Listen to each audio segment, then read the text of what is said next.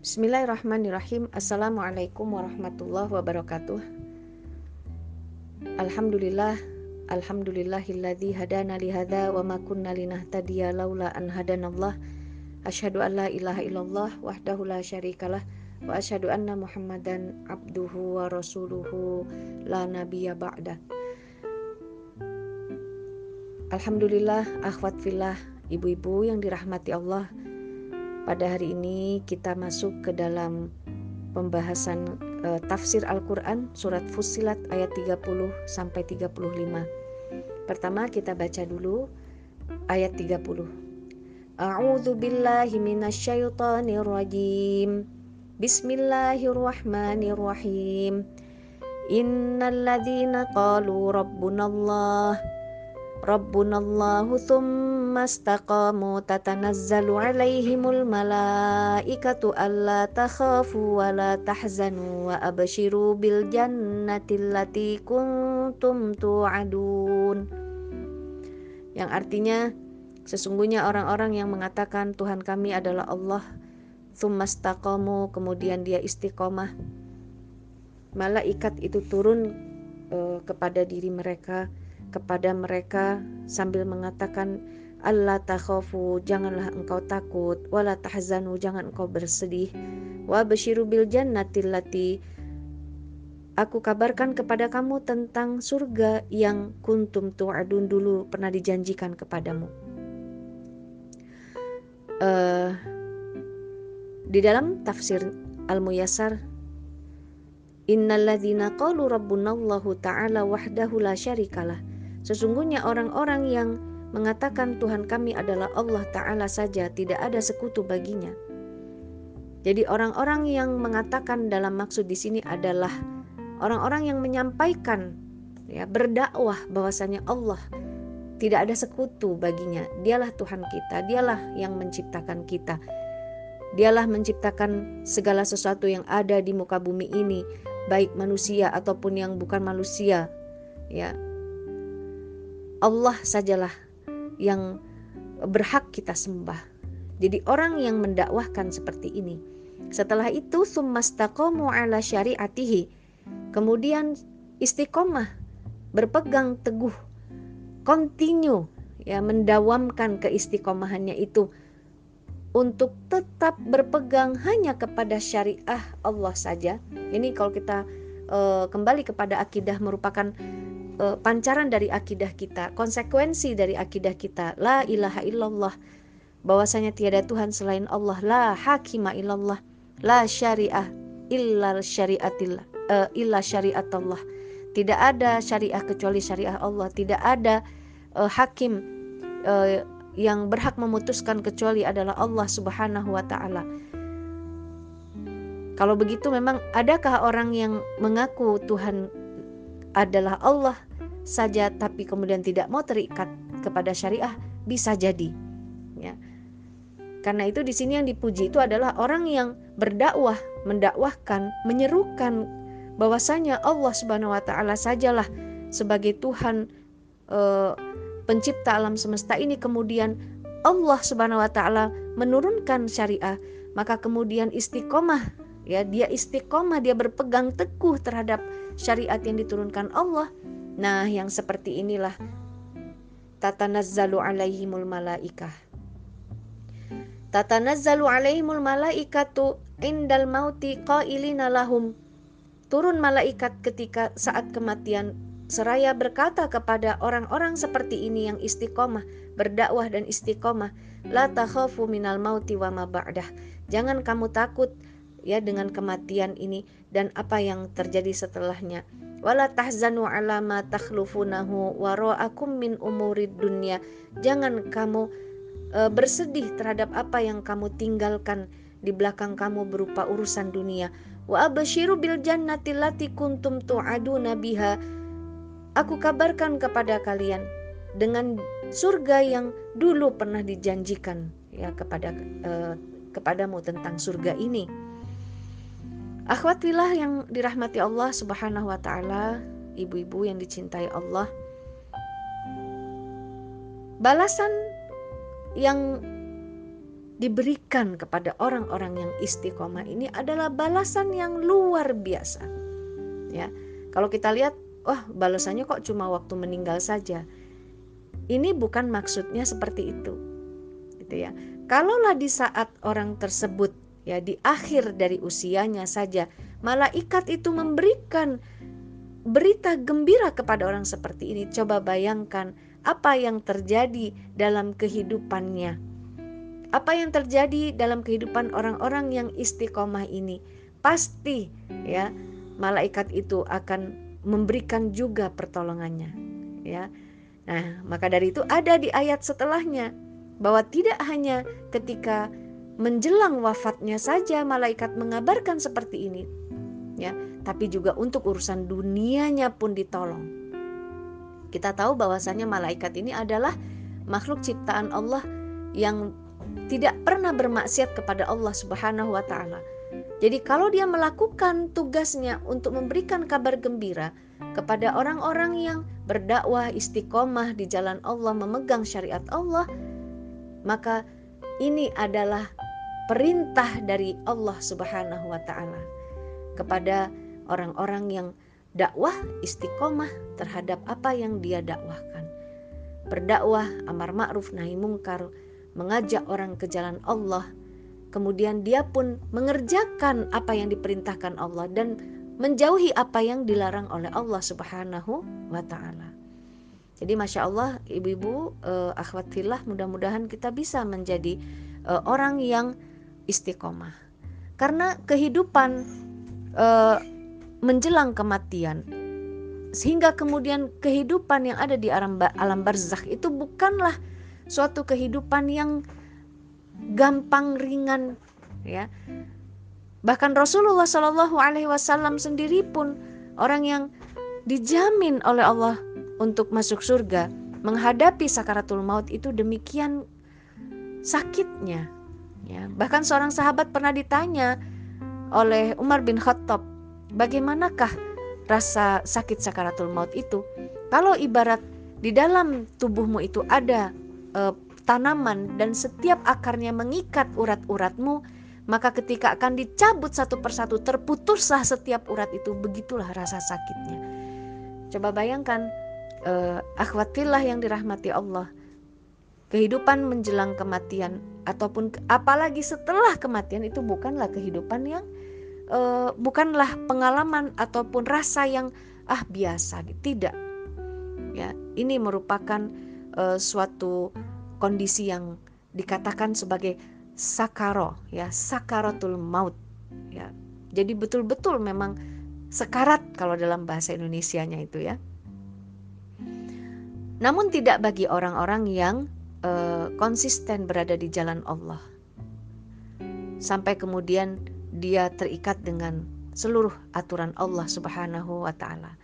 Seperti Ramadan inilah ibu-ibu eh, akhwat filah yang dirahmati Allah. Satu bulan kita terikat ya dengan aturan Allah, tunduk dengan aturan Allah. Tidak mengerjakan apa yang boleh sebetulnya hukumnya di siang yang bukan Ramadan, tapi kemudian karena perintah Allah melarangnya, maka kita tunduk dan patuh. Kita tidak mengerjakan apa yang dilarang, bahkan apa yang bisa mengurangi pahala puasa kita, kita pun e, menghindarinya e, semaksimal mungkin. Nah, inilah ibu-ibu yang dirahmati Allah sebagai wujud e, keterikatan ya terhadap aturan-aturan Allah yang uh, ditempa selama Ramadan ini. Dan juga kalaulah bukan Ramadan setiap ibadah mahdoh itu menempa ya jiwa uh, agar kemudian menjadi jiwa yang kuat memegang syariat Allah Subhanahu wa taala terikat tunduk patuh ya baik berfikirnya maupun menundukkan hawa nafsunya begitu ya setelah itu keluar ya dari Ramadan ini dia berhak untuk merayakan hari raya di mana ya hari raya itu menurut perkataan ulama hanyalah bagi orang-orang yang tidak bermaksiat kepada Allah. Mengapa demikian? Dia berhak karena dia adalah orang yang senantiasa berpegang teguh ya kepada akidah Islamnya dan juga terikat kepada syariatnya. Apa yang muncul di atas akidah itu berupa syariah, dia pun terikat ya. Mudah-mudahan kita termasuk orang-orang yang mampu melakukan dakwah ya untuk Allah Subhanahu wa taala dan juga termasuk orang yang mampu untuk terikat ya mengambil seluruh syariat Islam yang sudah diturunkan oleh Allah Subhanahu wa taala. Berikutnya kemudian di ayat 31-nya Nahnu awliya'ukum fil hayatid dunya wa fil akhirah walakum fiha ma tashtahi anfusukum walakum fiha ma tadda'un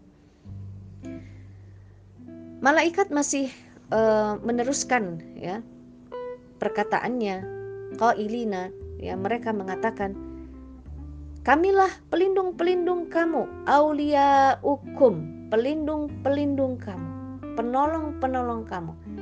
Baik fil hayati dunia baik dalam kehidupan dunia wa fil akhirah walau dan juga di dalam kehidupan akhirat. Dan di akhirat itu surga yang dijanjikan kepada kamu itu ya. Apa yang kamu rasakan? Yaitu fiha ma tashtahi anfusukum.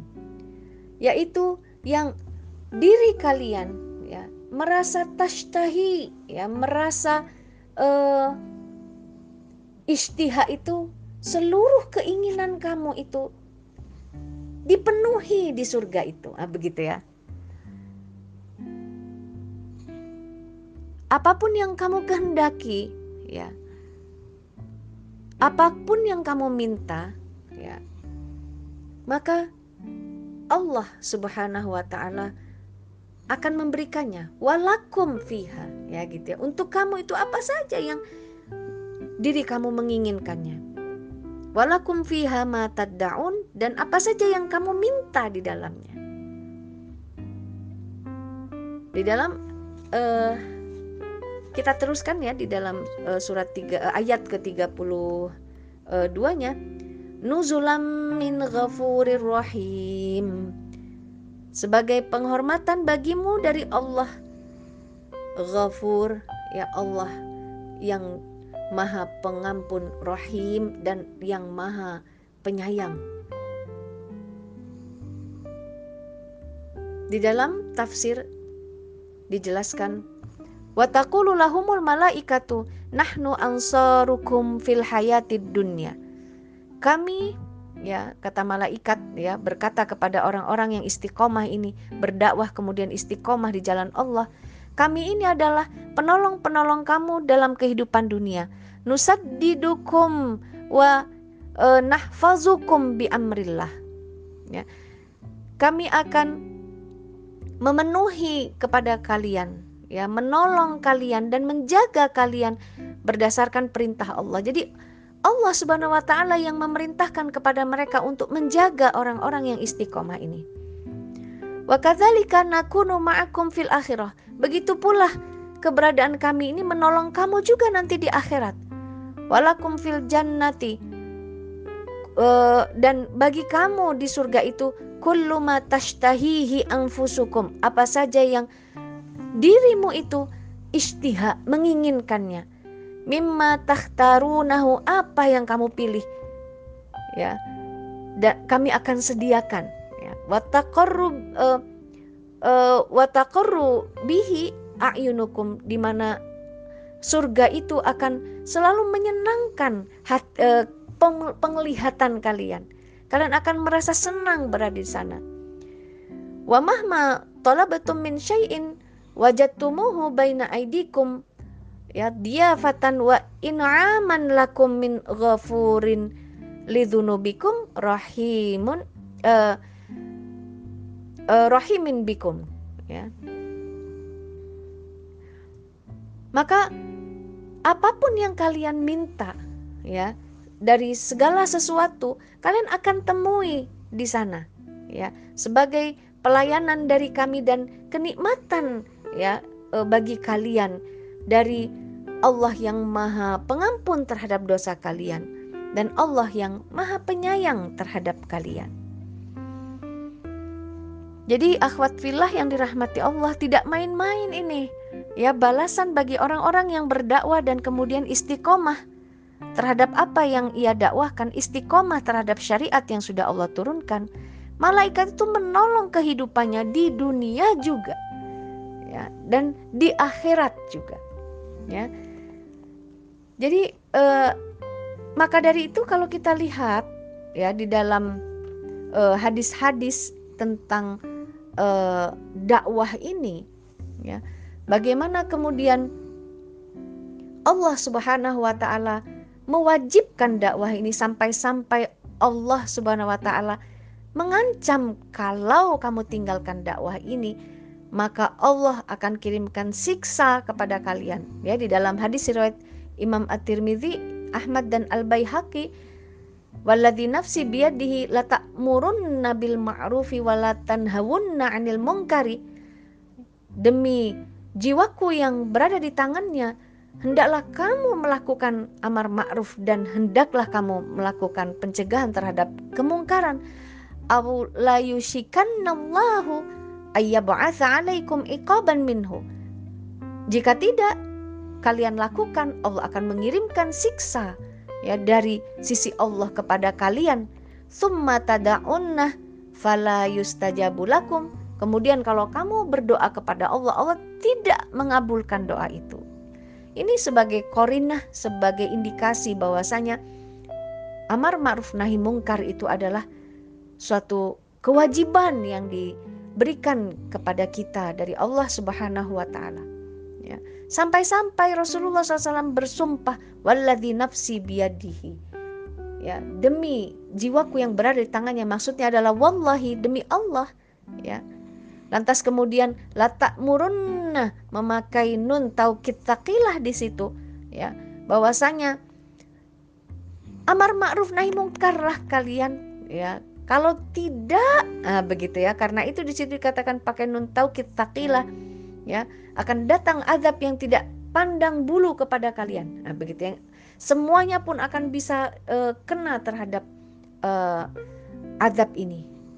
Ya, bayangkan misalnya di tempat kita ada praktek uh, apa homoseksual misalnya ataupun uh, pelacuran. Kita mengetahui namun kita diam saja. Apa yang kemudian akan kita rasakan? Tentunya uh, rusaknya pergaulan yang menjadi uh, dampak nantinya kepada keluarga kita. Kita diamkan saja dengan alasan ah itu bukan urusan kita. Coba bayangkan ya perilaku homoseksual itu akan merusak anak kita, akan merusak eh, tetangga-tetangga kita. Dan dia akan uh, menjadi penjahat yang terus mengincar ya uh, apa nama itu um, korban-korban berikutnya. Atau misalnya perjudian, biarkan sajalah seperti itu. Kita tahu bahwa judi itu merupakan pelanggaran uh, syariat Islam. Lantas kalau sudah dekat dengan judi maka akan dekat dengan uh, apa penjualan minuman keras, diminumlah minuman keras itu dan kemudian kita dikelilingi oleh orang-orang yang uh, tidak sehat akalnya, maka bisa jadi kejahatan itu akan bisa menimpa kita. Nah, jadi uh, berdakwah ini ya merupakan perintah dari Allah Subhanahu wa taala yang kita harus bersyukur sebagai orang yang beriman sudah diberikan oleh Allah Subhanahu wa taala kewajiban yang mulia ini. Sampai-sampai akhwat filah rahimakumullah di dalam Al-Qur'an surat Muhammad itu Allah itu yang maha kuasa, yang maha kuat, yang maha agung, yang maha perkasa meminta tolong kepada orang-orang yang beriman. Ya ayyuhalladzina amanu in tansurullah yang surkum wa yusabbit akdamakum. Wahai orang yang beriman, jika kamu menolong Allah dalam artian menolong agama Allah, maka Allah akan tolong kalian dan akan Allah kokohkan kedudukan kalian di muka bumi ini. Bayangkan betapa mulianya perbuatan menolong agama Allah ini. Makanya tidak aneh kalau bahas balasannya itu sedemikian mulia. Kehidupan di dunianya akan ditolong oleh Allah Subhanahu wa taala dan kehidupan akhiratnya akan ditolong oleh Allah Subhanahu wa taala. Jadi ini merupakan uh, balasan yang teramat besar ya sampai kemudian di surga pun uh, di akhirat pun surga itu menanti gitu ya.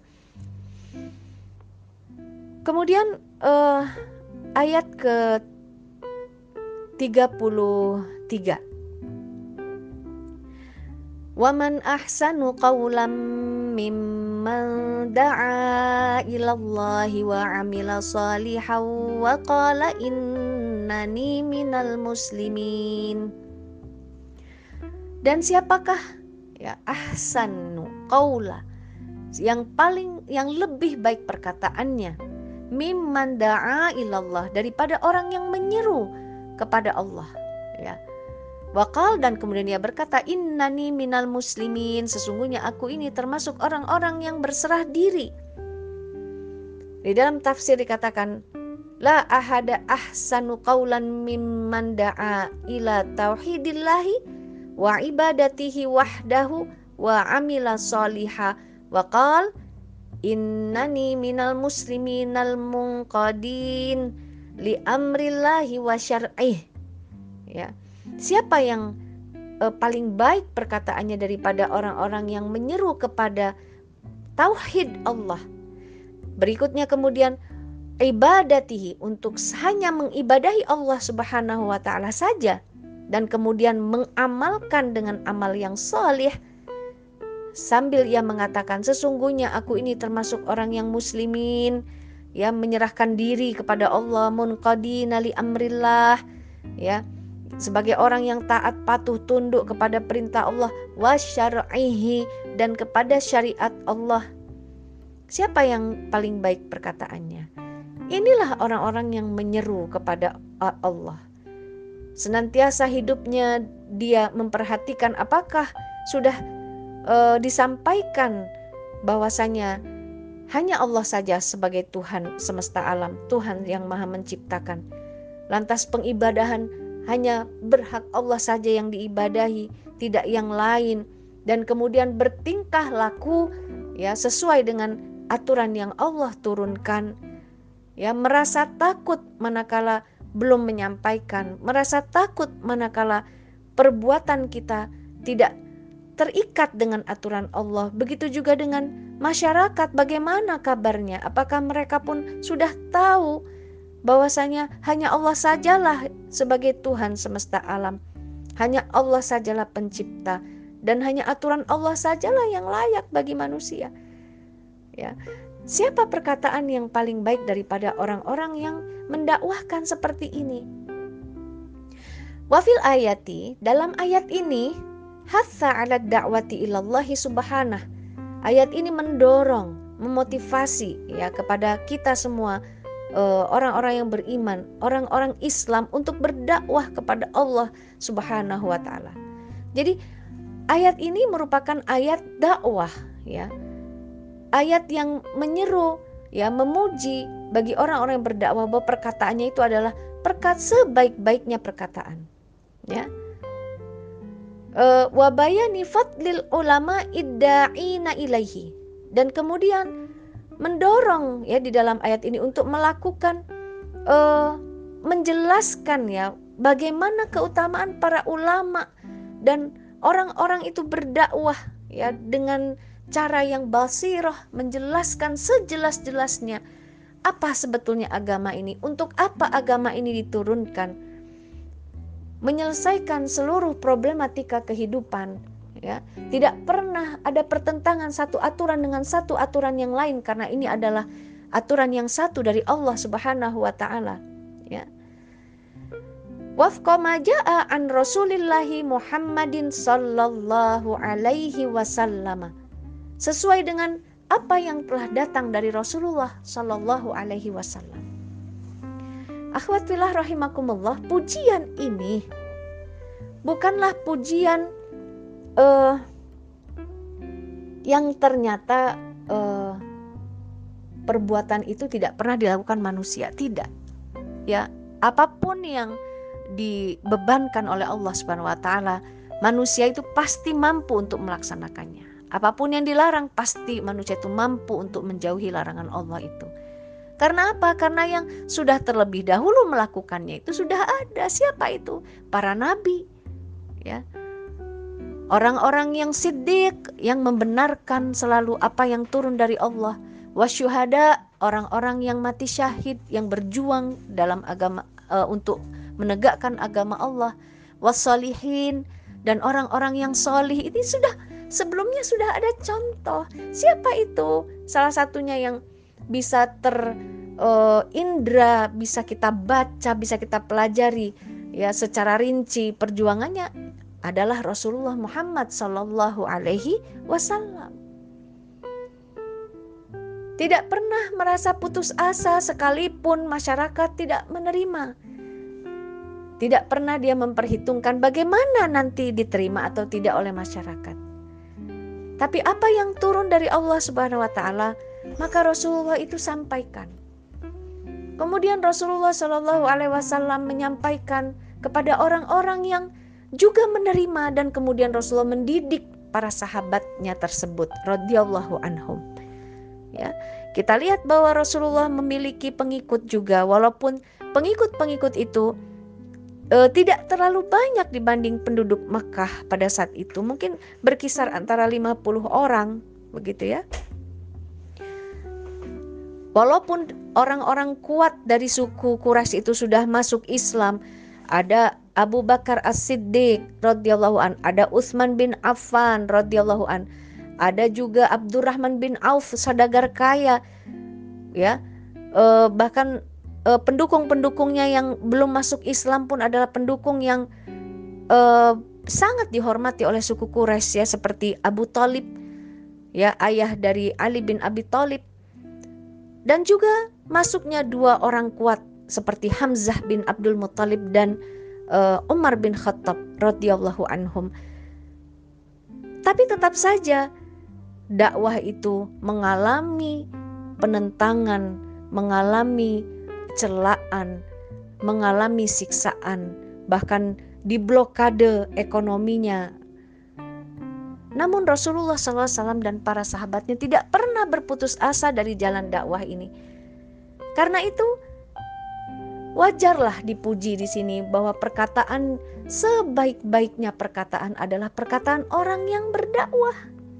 Termasuk juga para ulama yang ad-da'in ya orang-orang yang berdakwah ilaihi kepada agama Allah ala basiratin dengan jelas dengan tegas tidak menyembunyikan satupun dari syariat Islam ini karena kita melihat uh, kecenderungan uh, dakwah pada saat ini adalah menyembunyikan sebagian dari aturan Allah karena dianggap berat karena dianggap tidak sesuai tidak cocok gitu ya atau misalnya uh, karena sulit misalnya. Padahal agama Allah itu harus didakwahkan ala basiratin sejelas-jelasnya. Sulit itu kan ibu-ibu akhwat filah yang dirahmati Allah. Persepsi manusia sulit itu. Betul tidak? Misalnya kita mengatakan bagaimana menyampaikan ayat tentang jihad visabilillah. Jihad visabilillah itu adalah perang di jalan Allah. Maka tidak sedikit orang mengatakan tidak mungkin itu berperang di jalan Allah. Ya, padahal mereka sendiri sembari tidak mau belajar mengkaji apa sih sebetulnya jihad visabilillah. Kapan jihad visabilillah itu dilakukan oleh Rasulullah Shallallahu Alaihi Wasallam? Apa kemudian bentuk-bentuk strategi perang dan juga aturan-aturan perang yang dijalankan oleh kaum muslimin yang diperintahkan oleh Allah dan Rasulnya? sambil mereka tidak mau belajar. Tapi kemudian karena kedengkian yang sudah ada di dalam hati mereka itu sangat besar terhadap uh, beberapa aturan Islam, apalagi sudah ada yang uh, titip pesan ya bahwa aturan ini memang harus dijauhkan dari umat Islam. Salah satunya misalnya adalah aturan tentang jihad visabilillah. Maka mereka berupaya sekuat tenaga untuk menjelek-jelekan uh, tentang jihad menyamakan dengan terorisme. menyamakan dengan eh, kelompok-kelompok uh, kejahatan yang mereka sendiri buat ya biasanya seperti itu begitu ya lantas kemudian meniadakan pelajaran-pelajaran tentang jihad di sekolah-sekolah mulai dari tingkat dasar hingga perguruan tinggi. Bukankah ini merupakan perbuatan yang tidak dicontohkan oleh Rasulullah Shallallahu Alaihi Wasallam? Menyembunyikan sebagian ajaran Allah dalam berdakwah yang penting uh, yang pendengarnya mustamiknya senang, tertawa, bisa tertangkap, tidak usahlah yang susah-susah. Bagaimana nanti akan menjadi sebaik-baik perkataan yang akan diganjar oleh Allah Subhanahu wa taala pertolongan dunia dan akhirat. Nah, inilah akhwat fillah rahimakumullah. Maka yang namanya dakwah itu wafqama jaa an Rasulillahi Muhammad sallallahu alaihi wasallam sesuai dengan apa yang datang ya e, dari Rasulullah SAW contoh contoh dakwah ini. Kita bisa jelaskan contoh dakwah Rasulullah ini ada dua fase. Pertama fase Makkah di mana Rasulullah SAW tidak punya kekuasaan. Yang kedua adalah fase Madinah di mana Rasulullah SAW sudah memiliki kekuasaan atau berbentuk negara Nah ini kan suatu penjelasan yang harus dijelaskan ini. Kalau ingin mengikuti dakwahnya Rasulullah SAW maka harus jelas pula mengatakan bahwa Rasulullah itu memang ada fase Madinah di mana Rasulullah menjadi kepala negara di situ. Dibaiat oleh uh, penduduk Madinah pada saat itu untuk menjadi kepala negara. Tidak ada Rasul setelah Nabi Muhammad SAW. Namun setelah Rasulullah wafat, para sahabat itu mengangkat khalifah ya demi khalifah secara bergantian satu orang khalifah karena mengamalkan apa yang Rasulullah Shallallahu Alaihi Wasallam pesankan untuk terus mengangkat seorang khalifah. Fu bi bayatil awwali fal awal ya uh, penuhilah hanya satu bayat ya untuk pengangkatan dia sebagai khalifah. Wa'atuhum haqqahum berikan kepada khalifah itu haknya yaitu sebagai pengurus penguasa umat gitu ya. Innallaha sa'iluhum ammastar'ahum Allah akan meminta pertanggungjawaban terhadap apa yang sudah dia urus dari rakyatnya nanti. Nah, inilah yang harus kita sampaikan. Ketika fase Makkah di mana Rasulullah SAW tidak memiliki kekuasaan, maka dakwah Rasulullah SAW hanya sebatas pemikiran hanya sebatas ngomong, hanya sebatas menyampaikan untuk merubah adat istiadat, pemikiran, pemahaman-pemahaman yang salah, kebijakan-kebijakan yang bertentangan dengan apa yang Allah Subhanahu wa taala sampaikan kepada Rasulullah. Rasulullah hanya melakukan ini saja. Maka ini pula yang harus kita tiru, yang harus kita ikuti.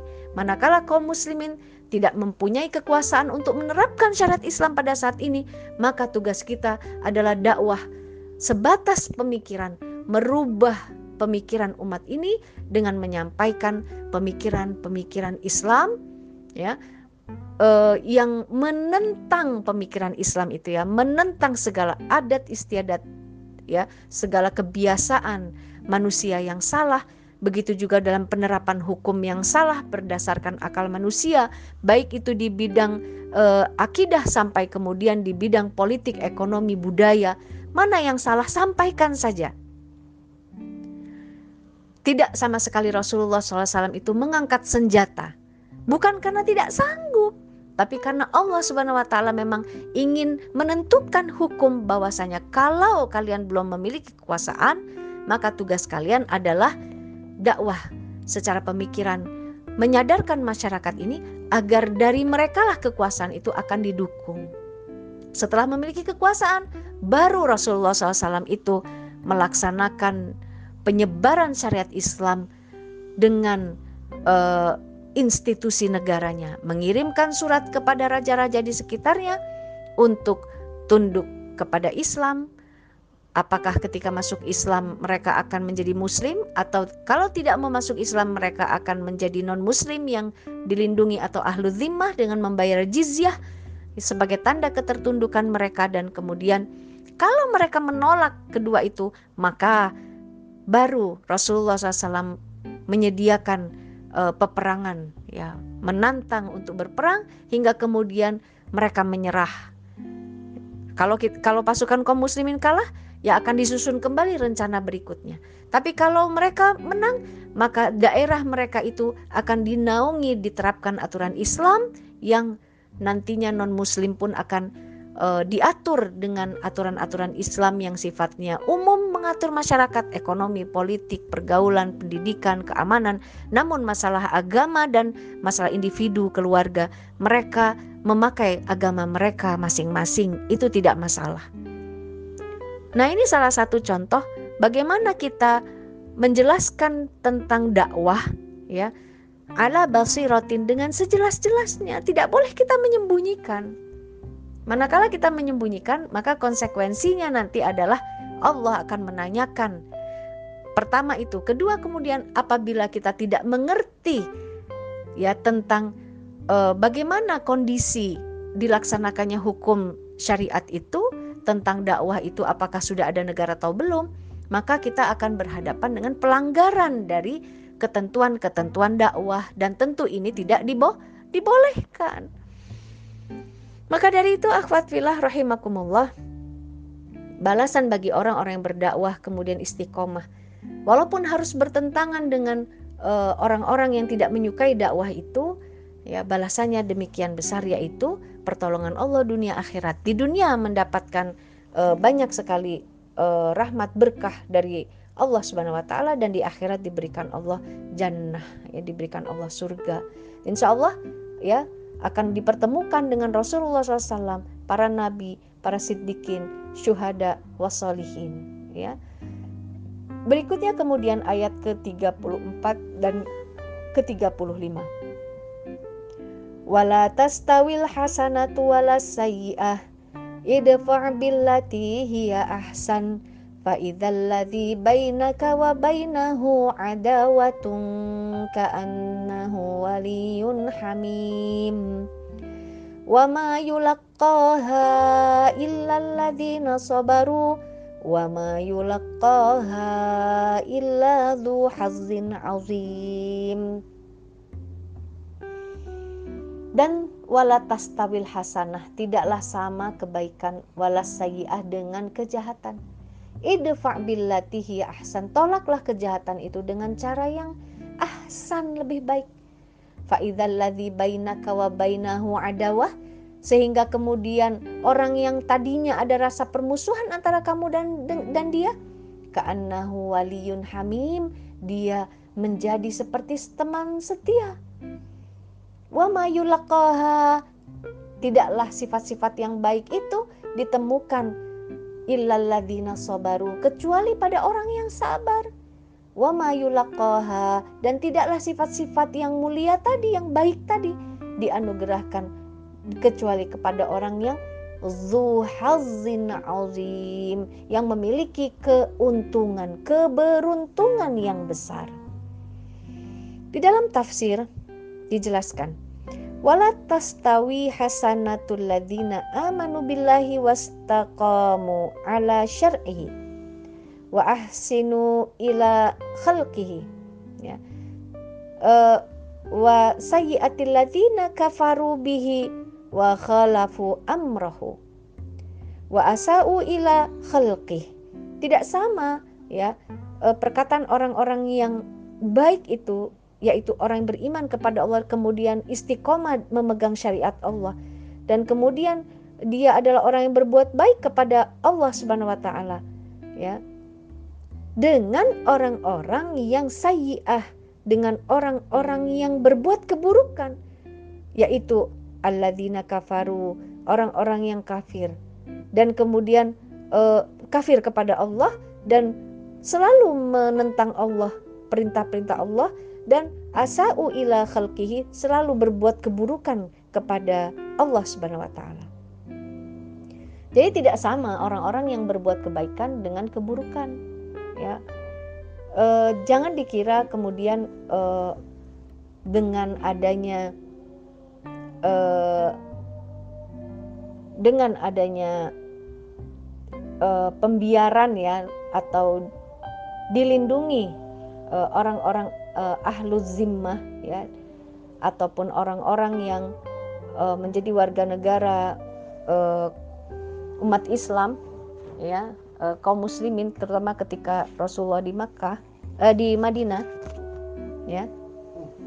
Itu sama posisinya ya dengan orang-orang yang uh, berbuat uh, kebaikan. Tidak ya. Walaupun mereka itu adalah orang-orang yang dilindungi menjadi uh, masyarakat menjadi warga negara yang dilindungi tapi tetap saja mereka itu uh, tidak sama dengan orang-orang yang beriman ya.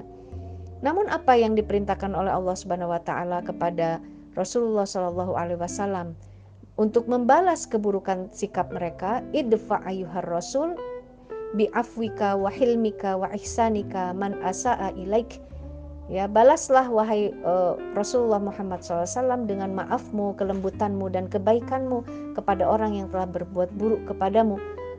Ya. Uh, wa qabila isaatihi laka bil ihsani ilaihi sebagai balasan keburukan uh, bagi mereka yang memperlakukanmu buruk itu balaslah dengan ihsan, kebaikan. Fabidzalika uh, yasirul masyi'u ilaika alladhi bainaka wa bainahu adawah. Ya maka nanti akan orang-orang yang berbuat buruk itu di antara kamu dan dia jadi orang itu selalu kepada Rasulullah berbuat buruk dan merasa ada permusuhan maka yang akan dia rasakan adalah ka'annahu qaribun laka syafiqun alaika. Mereka itu malah merasa seperti uh, sahabat dekat. Ya dan syafiqun alaika ya dan mereka pun akan berbuat baik kepadamu. Ya merasa berteman gitu. Nah ini apa yang pernah terjadi uh, di pasar Madinah? Ya Rasulullah SAW setiap mau ke masjid itu diludahi oleh seorang Yahudi tua sambil mengumpat menjelek-jelekkan Rasulullah SAW ya karena memang di antara uh, masyarakat itu ada orang-orang munafik yang di depan Rasulullah mengaku Islam tapi di belakang kemudian menjelek-jelekkan Rasulullah dan para sahabatnya Pimpinannya itu adalah Abdullah bin Ubay bin Salul. Jadi ada masyarakat yang kemudian terpengaruh dengan eh, fitnah-fitnah yang ditebarkan olehnya gitu ya.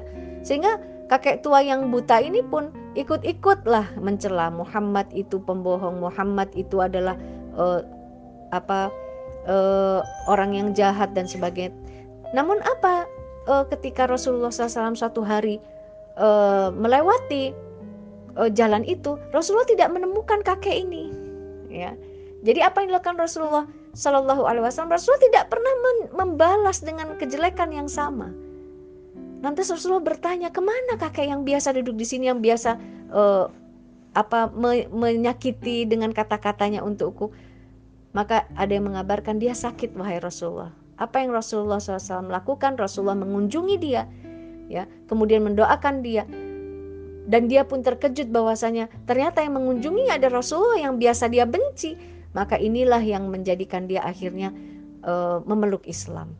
Ya jadi uh, di sini ya kepada orang-orang yang seperti tadi itu yang uh, memberikan permusuhan yang besar kepada kita ya salah satunya yang harus dilakukan adalah memang uh, tidak membalas perbuatan buruknya ya kepada kita. Ya karena ya itu akan menjadi uh, kebaikan ya. Jadi muncul kebaikan dari orang tersebut. Dan apa yang dilakukan oleh Rasulullah itu sikap yang baik itu wama uh, yuwaffaqa lihadihil khuslata alhamidata illa ladzina sabaru ala alal makarihi wal adha Tidaklah perbuatan baik ini kecuali bisa dilakukan oleh orang yang sabar atas makar-makar mereka dan juga siksaan terhadap mereka.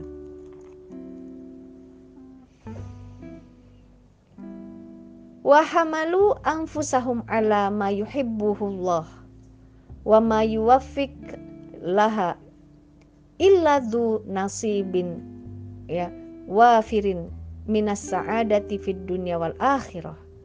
Ya, maka uh,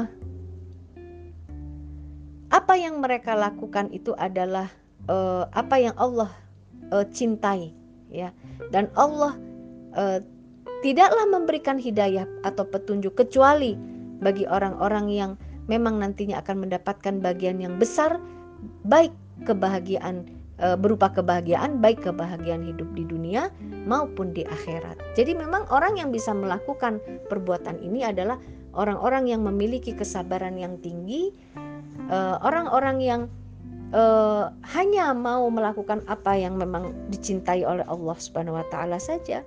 Gitu. Dia tidak mau melanggar sedikit pun dari apa yang sudah diperintahkan Allah. Walaupun ketika dia berdakwah, walaupun ketika uh, dia menerapkan aturan itu pada saat Islam itu sudah berkuasa, ada yang tidak suka, begitu ya, ada yang menentang. Namun yang dia lakukan adalah semata-mata mengurusi umat semata-mata mengurusi rakyat agar kemudian rakyat itu merasakan bahwa syariat Islam itulah yang sebenarnya mampu berbuat adil, mampu uh, uh, menaungi, melindungi, mampu melindungi jiwa manusia, ya. Maka dari itu kesabaran ini seperti yang dimiliki oleh Rasulullah Shallallahu Alaihi Wasallam ini hanya bisa dimiliki oleh orang-orang yang beriman kepada Allah, orang yang menyerukan dak dakwah di jalan Allah, orang yang konsisten istiqomah memegang aturan Allah. Ya. Akhwatillah rahimakumullah. Pelajaran apa yang bisa kita dapatkan dari ayat ini? Pertama, dakwah itu adalah kewajiban. Ya. Kita bisa lihat di dalam ayat yang lain di dalam Al-Qur'an surat Ali Imran ayat 104 misalnya Wal takum minkum ummatun yada'una ilal khair. Hendaklah ada segolongan umat di antara kalian yang menyeru kepada Islam wa ya'muruna bil ma'ruf dan memerintahkan untuk melaksanakan syariat Islam wa yanhauna 'anil munkar dan mencegah dari pelanggaran syariat Islam. Wa ulaika humul muflihun. Mereka itu adalah orang-orang yang beruntung. Dan bagaimana kemudian Rasulullah Shallallahu Alaihi Wasallam melukiskan dengan cara yang indah ya bagaimana kewajiban dakwah itu harus dilaksanakan tidak peduli kalau kemudian responnya itu orang tidak suka. Karena sebetulnya dakwah itu menyelamatkan semua. Di dalam sebuah hadis Rasulullah mencontohkan masalul qaimi ala hududillahi ta'ala wa rati'i fiha wa mudhinun fiha. Masalu qaumis ala safinatin. Ya Perumpamaan orang yang teguh dalam menjalankan hukum Allah dan orang-orang yang terjerumus dalam perkara yang haram itu adalah ya seperti sekelompok orang yang istahamu berbagi tempat ya uh, fisafina ya uh, ala safinatin dalam sebuah perahu. Fa asaba ba'duhum a'laha ya wa asaba ba'duhum asfalaha.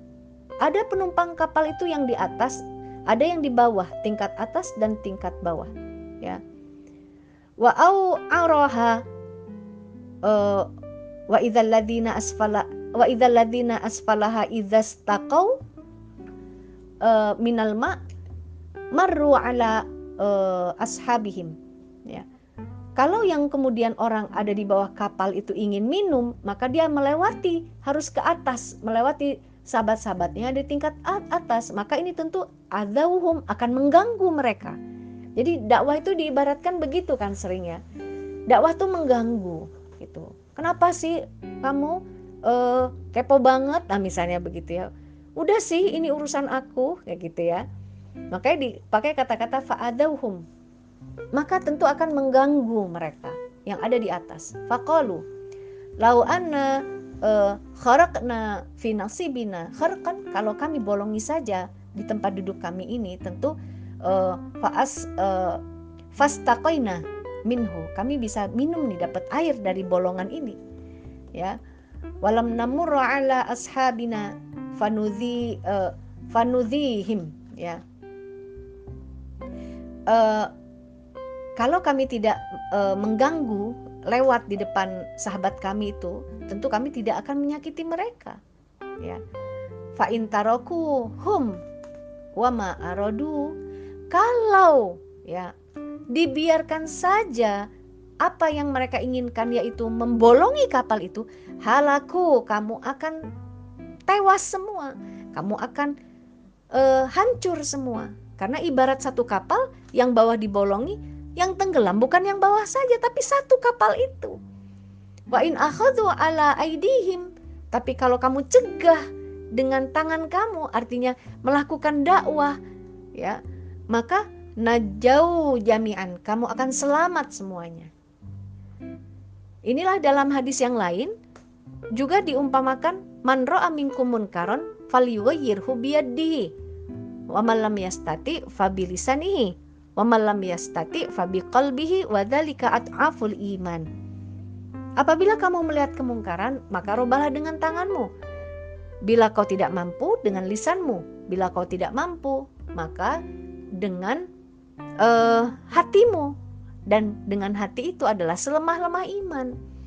Jadi dakwah ini memang harus menempuh tahapan pertama menyampaikan untuk merubah. Apabila kamu punya uh, yad, ya, yadun itu kekuasaan, maka robalah dengan kekuasaanmu.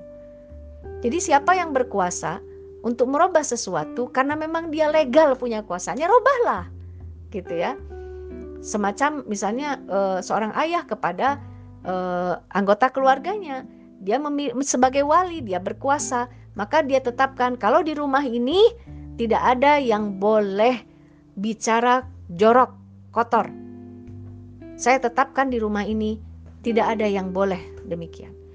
Batas aurat di rumah ini adalah walaupun kita adalah sesama mahram, tapi tetap harus menjaga di bawah lutut. Nah, misalnya seperti itu. Ini orang yang memiliki kekuasaan. Dia harus melakukan itu. Namun kalau dia tidak bisa punya kekuasaan, dengan lisan sampaikan. Jangan kau bolongi kapal ini karena akan mencelakakan kita semua. Ya. Uh, saya lihat di tempat ini uh, ada uh, tempat judi, maka tolong uh, Pak RT ini uh, dicari tahu apakah betul ini tempat perjudian. Nah, misalnya begitu, jadi harus ada uh, penyampaian, walaupun nanti dari situ akan ada resiko. Tapi ingat, resiko itulah yang akan diganjar oleh Allah Subhanahu wa taala dengan kebaikan dunia dan di akhirat.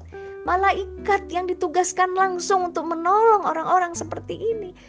Yang dia menyatakan dirinya beriman sekaligus juga dia terikat dengan syariat. Ya. Nah jadi eh, dakwah ini ya kewajiban. Ya jadi bukan kita bicara sulit tidak kan kita tidak bisa saya nggak bisa sholat lima waktu kenapa kamu sedang haid enggak karena sulit itu kan tidak bisa kau sudah kewajiban belajar apa kesulitannya, diangkat kesulitannya, berupayalah semampu yang kita bisa. Gitu kan? Begitu juga dengan dakwah kepada keluarga. Ya, apalagi kalau kita memang e, memiliki wewenang untuk mendakwahkan kepada anak-anak kita, sampaikanlah kepada anak-anak kita. Terapkanlah aturan di rumah itu yang tidak menyelisihi aturan Allah. Ini merupakan dakwah. Lantas bangunlah komunikasi dengan cara yang baik agar kemudian anak kita itu mengerti, memahami, ajak dia untuk jangan jatuh ke jurang neraka.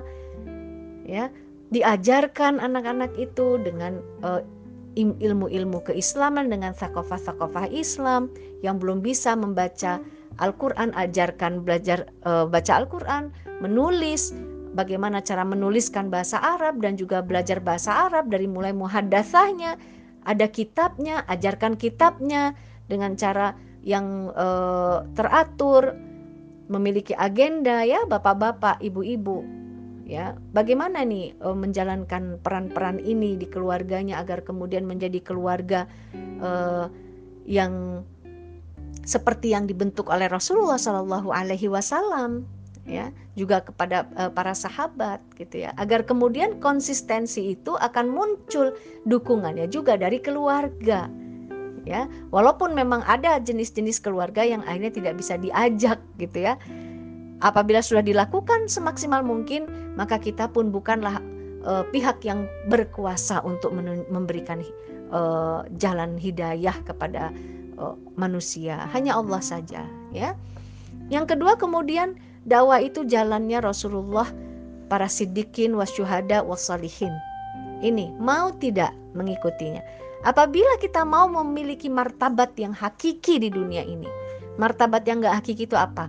Kaya, cantik, ya, harta. Nah, gitu. Ini ini martabat yang uh, tidak uh, abadi dan tidak akan bisa bertahan baik gitu ya. Uh, maka Allah berikan jalan dakwah ini derajat ya di dunia ini dengan derajat yang mulia.